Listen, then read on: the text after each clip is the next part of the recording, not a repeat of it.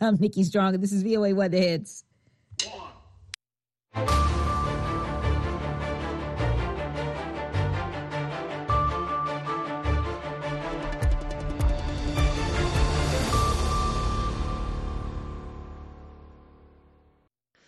halkani waa washington laanta afka soomaaliga idaacadda v o a oo aad ka dhegeysaneysaan mawjadaha gaagaaban efemyada geeska afrika iyo caalamkao dhan oo aad nagala socotaan v o a somaly com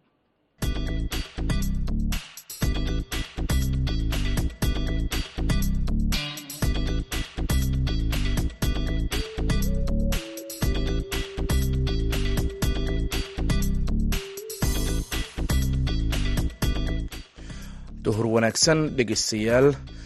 Waa maalin arbaco ah bisha januarina waa toban sanadka labada kun iyo afar iyo labaatanka. Afrikada bari saacaddu waxay tilmaamaysaa kowda iyo barka duhurnimo. Idaacadda duhurnimo waxaa idinla socodsiinaya anigoo ah maxamed bashiir cabdiraxmaan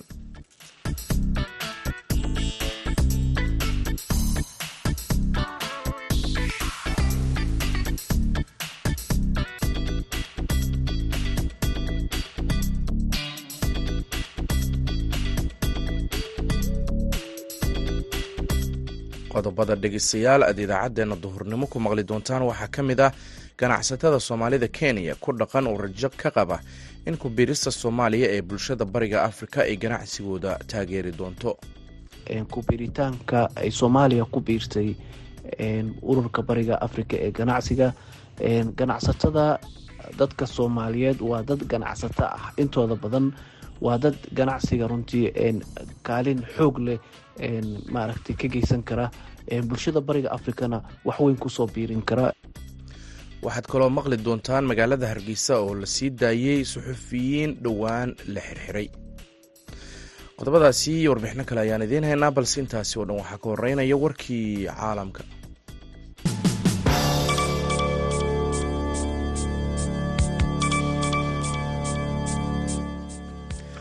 xogayaha arrimaha dibadda ee maraykanka antony blinkan ayaa arbacada maanta ah la kulmay madaxweynaha falastiiniyiinta maxamuud cabaas maalin kadib markii wadahadallo uu la yeeshay hogaamiyaasha israa'iil uu kala hadlay habka lagu xallin karo colaadda soo jireenka ah ee u dhexeysa israa'iil iyo falastiiniyiinta.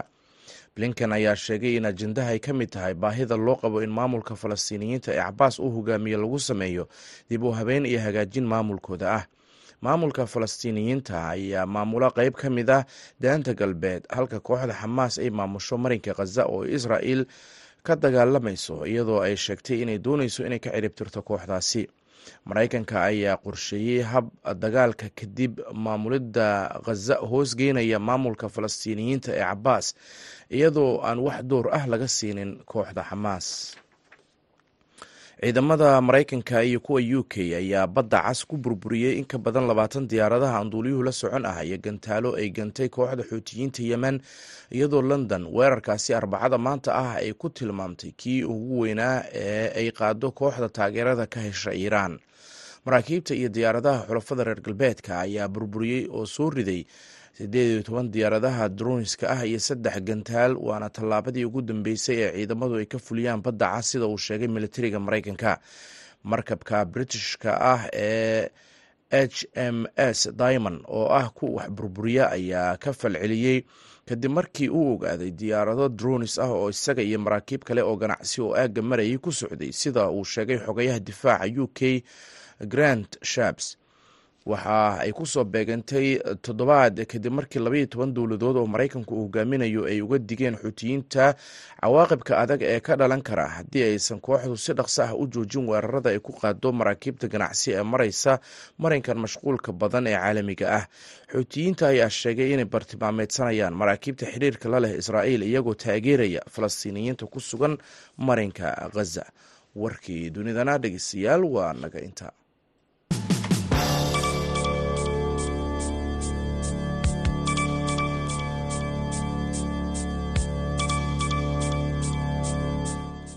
halka dhegeystayaal wararkaasi aad kala socotaan. Waa laanta afka soomaaliga ee v o a oo si toos idinkaga imaaneysa washington. Duhur wanaagsan mar kale markana nairobi. Dhalinyarada soomaalida ah ee ku nool dalka kenya gaar ahaana kuwa ganacsiyada kala duwan ku leh magaaladaasi ayaa waxa ay soo dhoweeyeen tallaabadii ay soomaaliya ugu biirtay dowladda waa dowladaha bulshada bariga afrika iyagoo sheegay in tallaabadaasi wax badan ay ka bedeli karto caqabado dhallinyarada ka haysta ganacsigooda. Warbixintan waxaa magaalada nairobi ka soo diray khadar maxamuud xareed. Dhallinyarada soomaaliyeed ee ganacsiyada kala duwan ku leh magaalada nairobi gaar ahaana suuqa islii ayaa si weyn u soo dhoweeyey tillaabada ay soomaaliya dhowaan ugu biirtay waddamada ku midoobay bulshada bariga afrika dhallinyarada ayaa sheegaya in tillaabadani ay qayb weyn ka qaadan doonto in ganacsiga dhallinyarada soomaaliyeed uu ku sii fido waddamada bariga afrika iyo in ganacsigoodu uu horumar gaaro. Cabdirasaaq maxamed oo ka mid a dhallinyarada soomaaliyeed ee qaxootiga ku ah dalka kenya gaar ahaana magaalada nairobi ee ganacsiga ku leh suuqa islii ayaa ka mid ah dhallinyarada tillaabadaasi soo dhoweeyey. Aad ayaan u soo dhoweynayaa ku-biiritaanka ay soomaaliya ku biirtay ururka bariga afrika ee ganacsiga ganacsatada dadka soomaaliyeed waa dad ganacsato ah. Intooda badan waa dad ganacsiga runtii kaalin xoog leh maaragtay ka geysan kara. Bulshada bariga afrikana wax weyn ku soo biirin kara. Runtii anagoo og ganacsatadeena soomaaliyeed in ay meelo dhaadheer gaareen. Waa jeclaan layihiin ganacsiyadan bariga afrika iyo horumarka adduunyada maanta ka socdo. Inaan qeyb ka noqono ururadan aan ka mid noqonayna iyo kuwo badanba waa rajeynaya runtii in soomaaliya ay ka mid noqon doonto. Waxay kaloo tusaale u tahay soo hagaagitaanka wadankii uu noo soo hagaagaya ee soomaaliya. Annaga haddii aan nahay dhallinyarta qurbaha ku nool ee qaxootiga ku ah wadanka kenya runtii waxay noo tahay isdhexgal bulsho waxay noo tahay socdaalkii maaragtay muddada dheer ee waddamada bariga afrika runtii il gaar ahna lagu hen jiray in socodkeena iyo dhaqdhaqaaqeeni ay noo fududayso maadaama aan ka mid nahay ururka bariga afrika. Aad ayaana maaragtay u soo dhaweynaya maadaama aan nahay dad ganacsato ah oo ganacsiga aad u yaqaano oo soomaali aan nahay. Waxa keliya ee aan samayn karnana ay tahay. In badeecadaheena sida mooska iyo maaragtay kalluunka inaan dhoofitaankiisa aad u badino iyo waxyaabaha kale ee wadanka ka soo go'ay runtii dalagyada uga horeeyaan zakariya maxamuud oo isna ka mid ah dhallinyarada ku nool magaalada nairobi ayaa sheegaya in tillaabada ay soomaaliya ugu biirtay waddamada e s c ay faa'iidooyin kala duwan ay u leedahay bulshada soomaaliyeed gaar ahaana dhallinyarada soomaaliyeed ee ku nool geeska afrika oo heli doona fursado kala duwan oo dhanka waxbarashada ganacsiga iyo horumarka ah. Dhallinyarada soomaaliyeed markii hore socodkooda cariiri buu ahaa balse waxaan rajeynaya inay fursado fiican ka soo bixi doonaan dhinaca dhallinyarada isku socodkooda dhallinyarada soomaaliyeed ee si fiican uga faa'iideysan doonaan. Midda labaad waxaan rajeynayaa ganacsatada soomaaliyeed oo jooga qaaradda afrika in isku socodkooda ganacsi ay si fiican uga faa'iideysan doonaan. Dowladda soomaaliyeedna waxaan rajeynayaa inay ayadana fursado shaqo iyo fursado ganacsi inay ka heli doonta wallaahi waa arrin wanaagsan oo soo dhoweyn mudan waayo markii hore waxaa jirta dhallinyarada soomaaliyeed oo ganacsato iyo isku socodkoodaba in caqabado ay la kulmi jireen.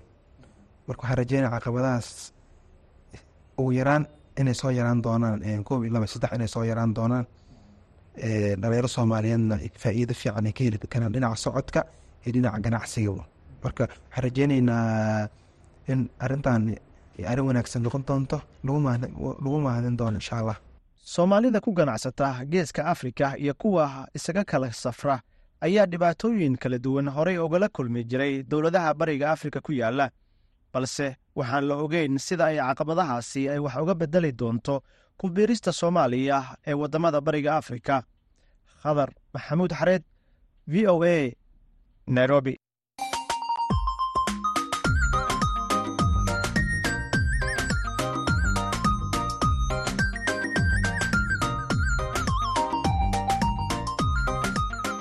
bandhiga v o a. Barnaamijka bandhiga v o a waa barnaamij oo idinku tala gashay laanta af soomaaliga ee v o a. Bandhigga v o a waxaad khamiis walba kaga bogan kartaa qormooyin kala duwan oo la xidhiidha taariikhda iyo aqoonta guud dhaqaalaha sharciga iyo samafalka.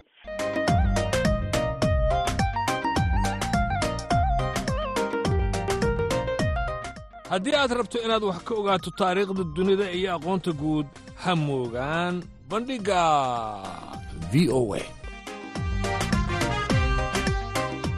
Bandhigga v o e kala soco laanta af soomaaliga ee v o e maalin kasta oo khamiis ah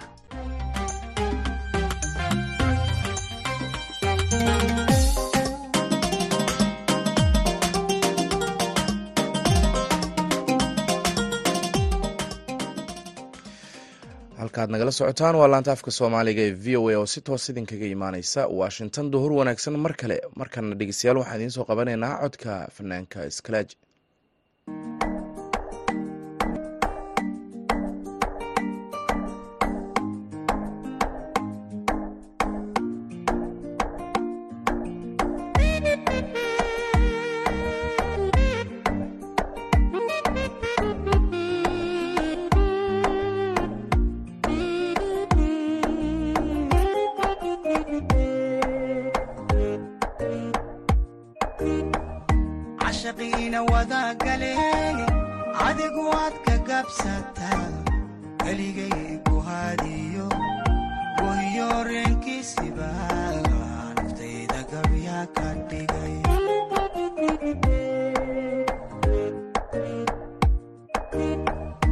cashaqiina wadagale adigu waad ka gabsataa keligay ku hadiyo gohiyo reenkiisiba naftayda gabya ka dhigay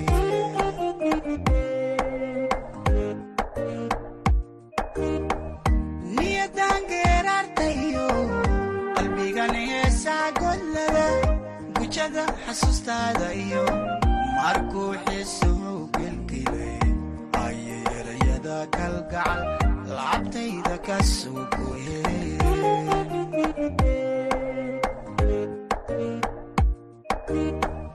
niyadan geeraartayo qalbigan heesaa gollada gujada xasuustaada iyo markuu xiisuhu gelgelay ayay erayada kalgacal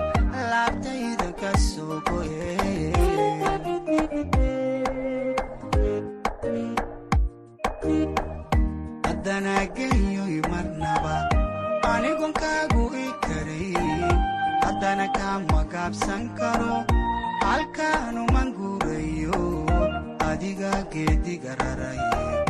Gobol baan ku dhigan lahaa haddii dumar lala gartamo.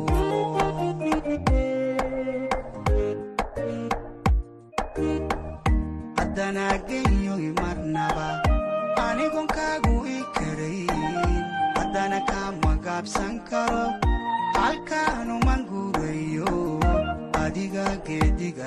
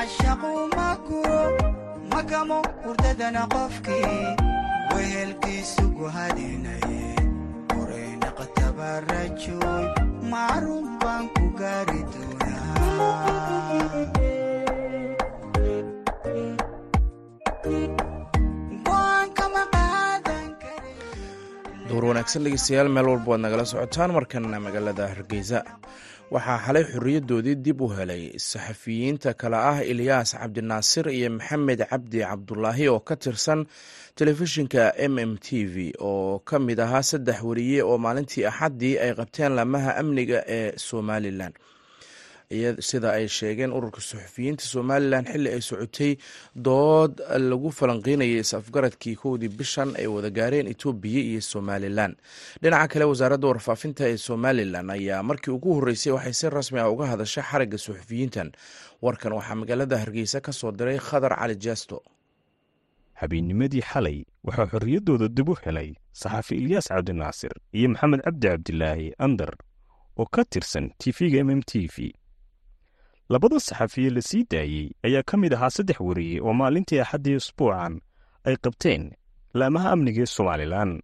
Sida uu xaqiijiyey ururka saxafiyiinta somalilan ee solja maxamed cabdi cabdilaahi oo ka mid ahaa wariyeyaashan xalay la sii daayey ayaa idaacadda v o a uga warramay xadhigooda.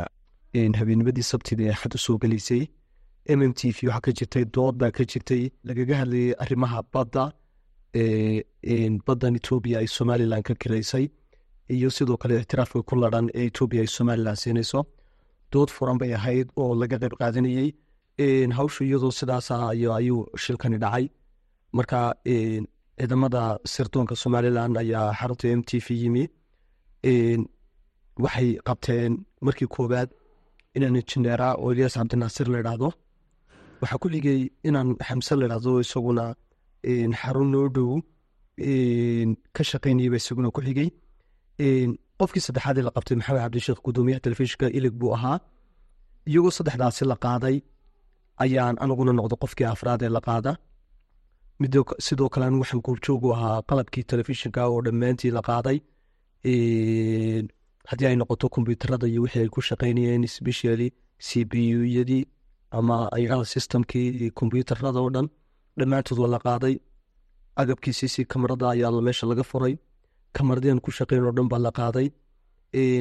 Dhammaanba wixii meesha yaalay ayaa la soo wada qaaday.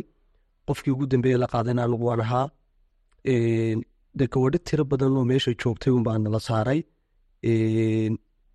Intaa weliba dee saaxiibadeydii anigaba indhohana laga xiday marka meel nala geenaye maan ogeyn marka waxaan ku war helay markii meeshii la geeyin dhan laga furay baan ayaan ogaaday in ilig iyo inamada kale iga soo horeeyaana la xiday caawa ku afar baan xidhnaan lahay walow anigu aan soo iminka xorriyadeydii anigii helnay. Marka laga reebo ilig ilig isaga caawa afar habeen buu xidhan yahay. Marka dee waa caafimaad qabnaa. Alxamdulilahi rabbilcaalamiin dhanka kale wasaaradda warfaafinta somalilan ayaa markii u horreysay si rasmiya uga hadashay. Xadhigga saxafiyiintan xidhnaa agaasimaha wasaaradda warfaafinta mustafa cabdi ciise shiini ayaa v o a u sheegay sababta ay saxafiyiintani u xidhnaayeen.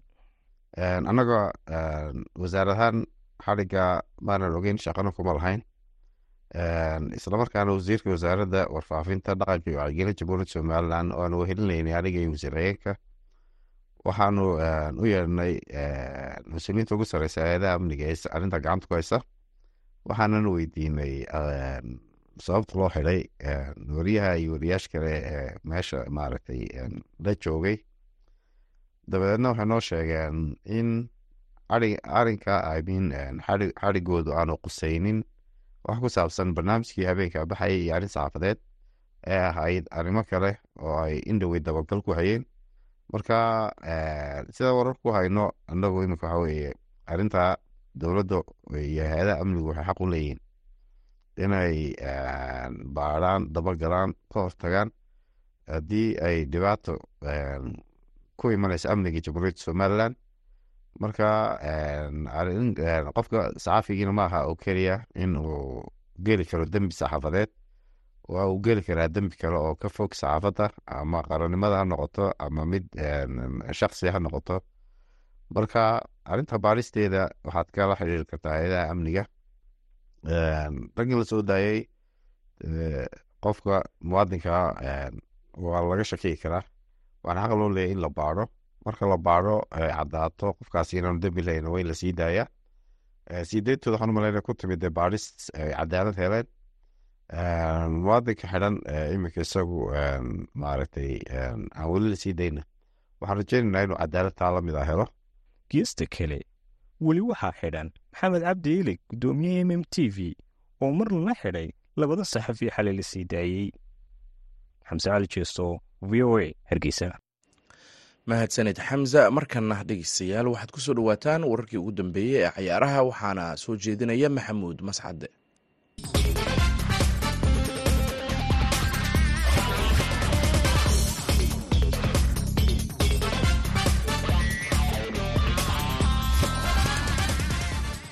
kuna wanaagsan dhegeystayaal dhammaantiinba kuna soo dhowaada xubinta ciyaaraha. Gegida stadium muqdisho ee caasimada soomaaliya ee muqdisho. Waxaa si xiiso badan weli uga soconaya ciyaaraha kubadda cagta ee maamul goboleedyada soomaaliya. Tartanka ayaa haatan galay heerkiisii uu ugu xiisaha badnaa iyadoo kooxaha qaarkood ay min saddex kulan dheeleen oo min hal kulan ay u dhiman tahay halka hal kooxna ay laba kulan u dhiman yihiin. Ilaa iyo hadda kalama cadda sida loo soo kala baxay iyo cidda tartankan ka haraysa kulamadii ugu dambeeyey iyo weliba kooxaha fursadaha haysta ayaynu barnaamijkan ku falanqeynayna waxaa barnaamijka marti ugu ah cabdiraxiin kismaayo oo ku sugan magaalada muqdisho kana tirsan telefishinka astaan ee ciyaaraha ka faallooda cabdiraxiin soo dhawow marka ugu horeysa haddaynu ku horumarno kulankii ugu dambeeyey ee shalay galab ee dhex maray hirshabeelle iyo jubbaland. Bal kulankaasi isbeddelka uu keenay iyo labadan kooxood fursadaha haatan ay tartanka ka haystaan mascado shalay waxaa wada ciyaaray sida la wada ogsoon yahay koox rajo lahayd koox bilaa rajo ah jubbaland laba ciyaarooda hore ee dheisha ayaa guuldaro kala soo kulantay xolalka galmudug iyo koonfur galbeed halka hirshabeellena saddex dhibcood oo forfayda banaadir ka heshay iyo bareejo ay galmudug ka heshay ay haysatay.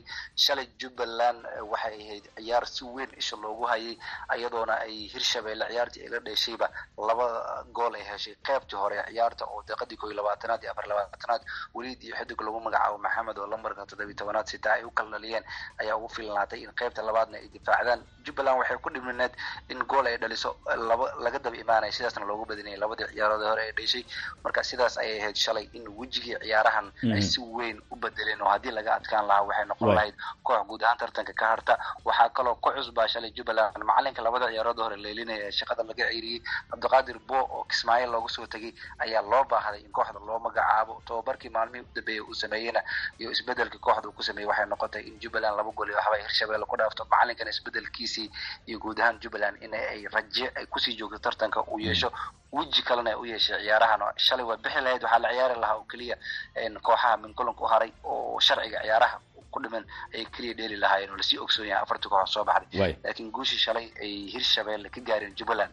Ayaa nafta ku soo celisay. ay guud ahaan badashay waaya waxaad carab ku dhufatay in jubbaland ay qarka u saarnayd inay tartan ka harto. Laakiin marka aad fiiriso cabdiraxiino tartankan waxaad u moodaa in kooxuhu awoodoodu isku dhowdahay inta badan dhibcuhu aanay sidaa u kala durugsanayn waana shan kooxood oo hal koox oo keliya ayaa haraysa. Afarna waa ay soo gudbaysaa. Marka aad eegto ilaa hadda kulamadan la ciyaaray qaabka ay wax u socdaan yaa haysta fursad ay ku soo gudbaan yaase haysanin fursad ay wareega kale ugu soo baxaan.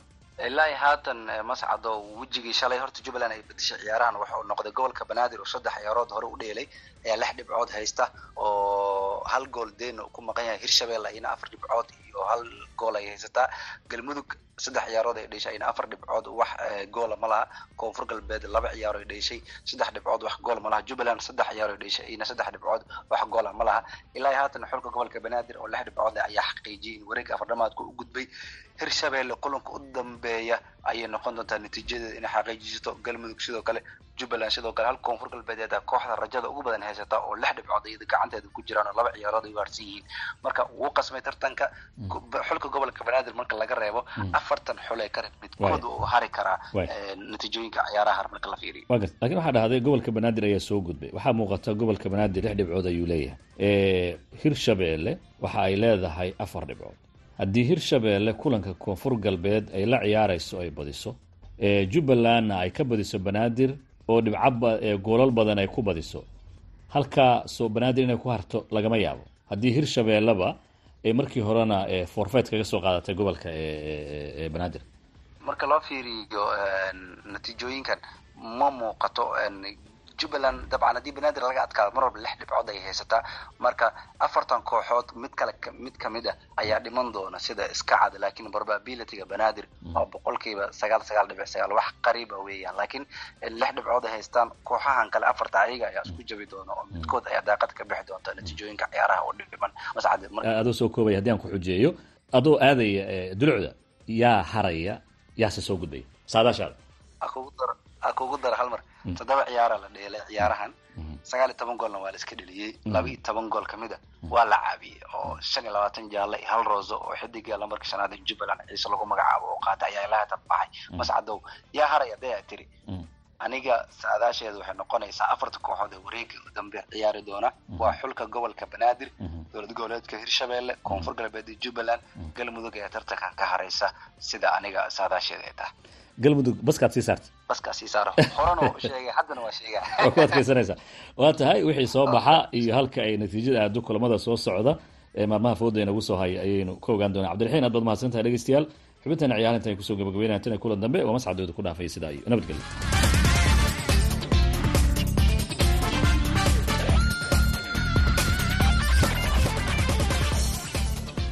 mahadsanid maxamuud mascade oo xubintaasi cayaaraha nala socodsiinaya markana dhegeystayaal. Mar kale waxaan ku noqonaynaa kaalma